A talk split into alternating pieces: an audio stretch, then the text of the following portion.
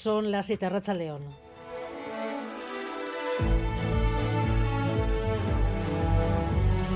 Gambara con Arancha García.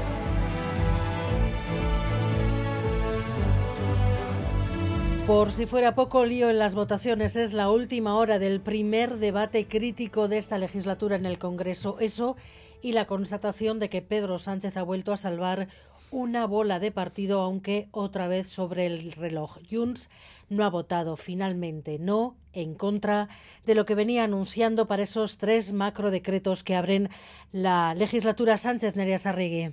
Sí, una tarde de sorpresa mayúscula que termina para el Gobierno mucho mejor de lo que empezó, con un acuerdo in extremis con Junts per Cataluña que permite salvar un decreto, el relativo a la modernización de la justicia, el segundo, el decreto anticrisis que extiende el escudo social, está a punto de aprobarse. En los próximos minutos se repetirá la votación tras el empate provocado por el error de un diputado de Sumar y solo cae uno de los tres, el que recoge el nuevo subsidio por desempleo por el no de los cinco diputados de Podemos. Mucha confusión, confusión con final casi del todo feliz para el Ejecutivo. Enseguida vamos al detalle, quién ha votado qué y a cambio de qué. Esta jornada frenética de contactos en despachos, de conversaciones de pasillo y de alto voltaje dialéctico aún no ha terminado.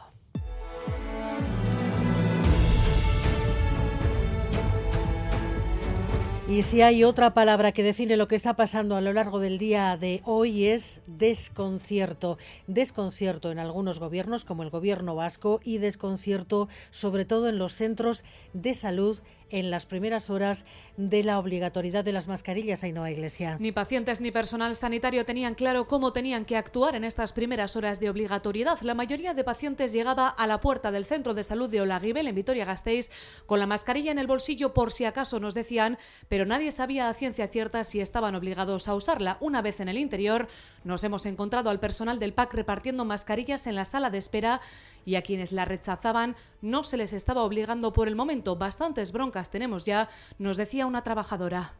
Luego siempre hay gente que se, que se niega. ¿Y cómo actúan ante eso? Pues hasta hoy no hemos obligado a nadie. Ya cuando nos den una orden de lo que hay que hacer, ya nos llevamos bastantes broncas, movidas y malas formas como para encima pelear por la mascarilla. No estábamos seguras, digo, pero ante la duda vamos a ir preparadas. La verdad es que no tenía ni idea. He venido aquí porque, bueno, estoy malo y he cogido, he visto a ver cómo entraban todos con mascarilla y digo, oh, pues voy a entrar a la farmacia por la mascarilla porque como no tengo ni idea...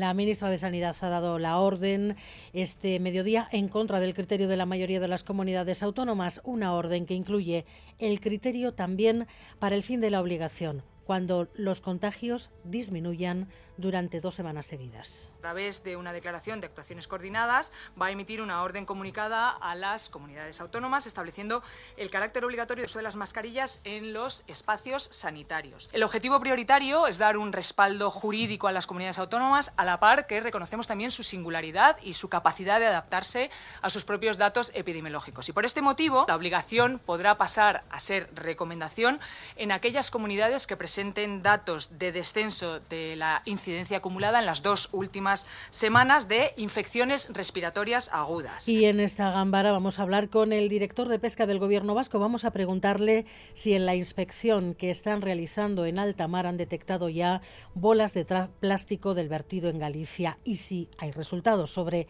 la procedencia de las que ayer se encontraron en la playa de la Arena. Hoy se han seguido encontrando algunos pellets en algunas playas vizcaínas a la espera de confirmar su origen. Gary Suárez, te has hecho un recorrido y por la costa de Vizcaya, ahora mismo estás en Baqueo, Arrachaldeón.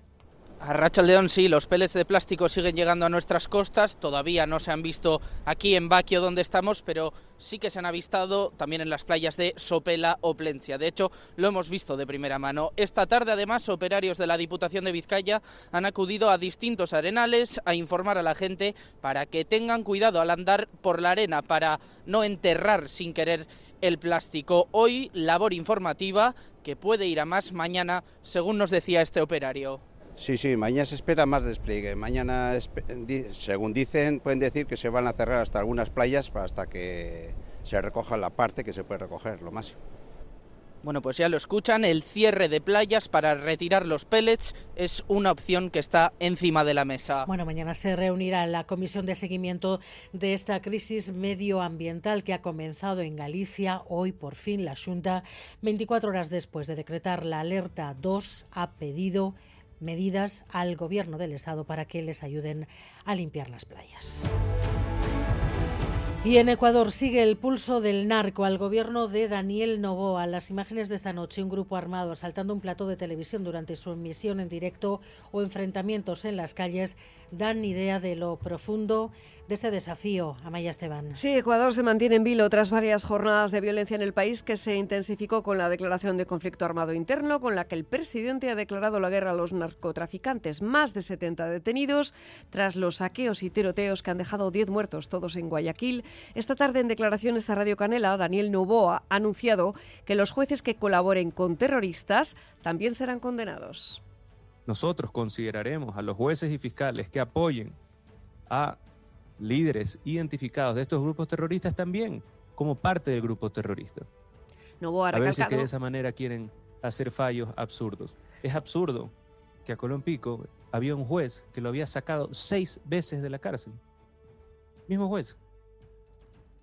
Recalcaba Novoa que se acabaron los momentos de gobiernos tibios, afirma que Ecuador está inmerso en un conflicto armado interno y que es necesario abordarlo con firmeza.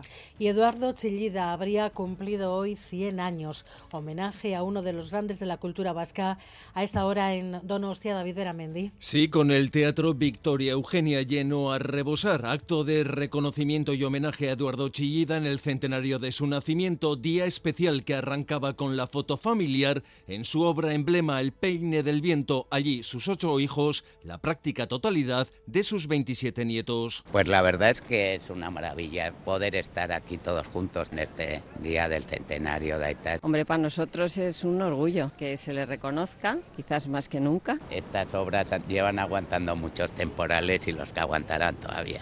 En el Victoria Eugenia Música, danza, palabra, en la entrada una gran foto de Eduardo Chillida con el lema Lugar de Encuentro. Dentro en el escenario una de sus obras, arranca pues el año Chillida, infinidad de conferencias y exposiciones, este fin de semana puertas abiertas en su gran sueño, el Museo en esta gambara volveremos al Teatro Victoria Eugenia y los deportes, Edu García Rachaldeón. ¿Qué tal, Rachaldeón? Mirando el baloncesto, baloncesto vizcaíno en esta tarde de miércoles. Ahora mismo está jugando Bilbao Basket la segunda jornada de la segunda fase de la FIBA Europe Cup en Bulgaria contra el conjunto del Balkan. El partido está ya en el tercer cuarto, quedan 4.48 y de momento gana el equipo de Ponsarnau por 15, 43, 58. A las 8 juega Lointe Guernica en la ida de octavos de final de la Eurocup femenina ante el London Lions inglés en Maloste, un rival muy potente en Europa, anotando más de 90 puntos por partido un examen muy complicado para el conjunto Guernicarra. Y obviamente la mirada puesta también en Riyadh, en Arabia Saudí, donde ya entrena Osasuna preparando el partido de semifinales de la Supercopa que jugará mañana contra el Barcelona. Ha dicho Rasate que le habría gustado jugar más cerca de su afición. Al final habrá cerca de 500 seguidores de Osasuna mañana en el estadio. Eh, no son muchos, pero bueno, seguro que se les escucha. Algunos están ya viajando, de hecho, hasta, hasta Riyadh.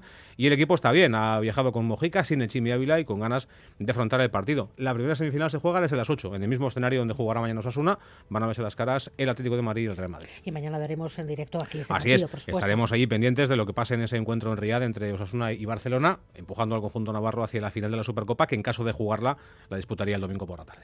Bueno, pues Miguel Ortiz y Alberto Subelia están en la dirección técnica, Cristina Vázquez en la producción. Comenzamos. Pedro Sánchez ha vuelto a salvar una bola de partido. Dos de los tres decretos van a salir aprobados hoy. Uno de ellos tras deshacer un empate por el error de un diputado de Sumar. El que queda el tercero pendiente de una renegociación con Podemos porque el otro titular es que Junts no ha roto la partida, no ha votado no, como llevaba días diciendo, se ha limitado a no votar. O sea que más sí es que no es que hubieran sido suficientes para sacar adelante los tres decretos si no hubiera sido por Podemos. Vamos con todo, Neras Arregui, Arrachaldeón. Arrachaldeón. Ese es el resultado final, visto bueno del Congreso. Al paquete anticrisis se tiene que volver a votar esta tarde para deshacer el empate, visto bueno al debate, al decreto ómnibus y rechazo por los votos de Podemos al que incluye los permisos de lactancia, los subsidios del paro y la prevalencia de los convenios. Sí, la mañana ha sido frenética y la tarde Pues una sorpresa mayúscula. Las caras de incredulidad se contaban por decenas cuando la presidenta del Congreso, Francina Armengol, ha leído el resultado de la votación del primero de los decretos relativo a la modernización de la justicia. Este ha sido el momento.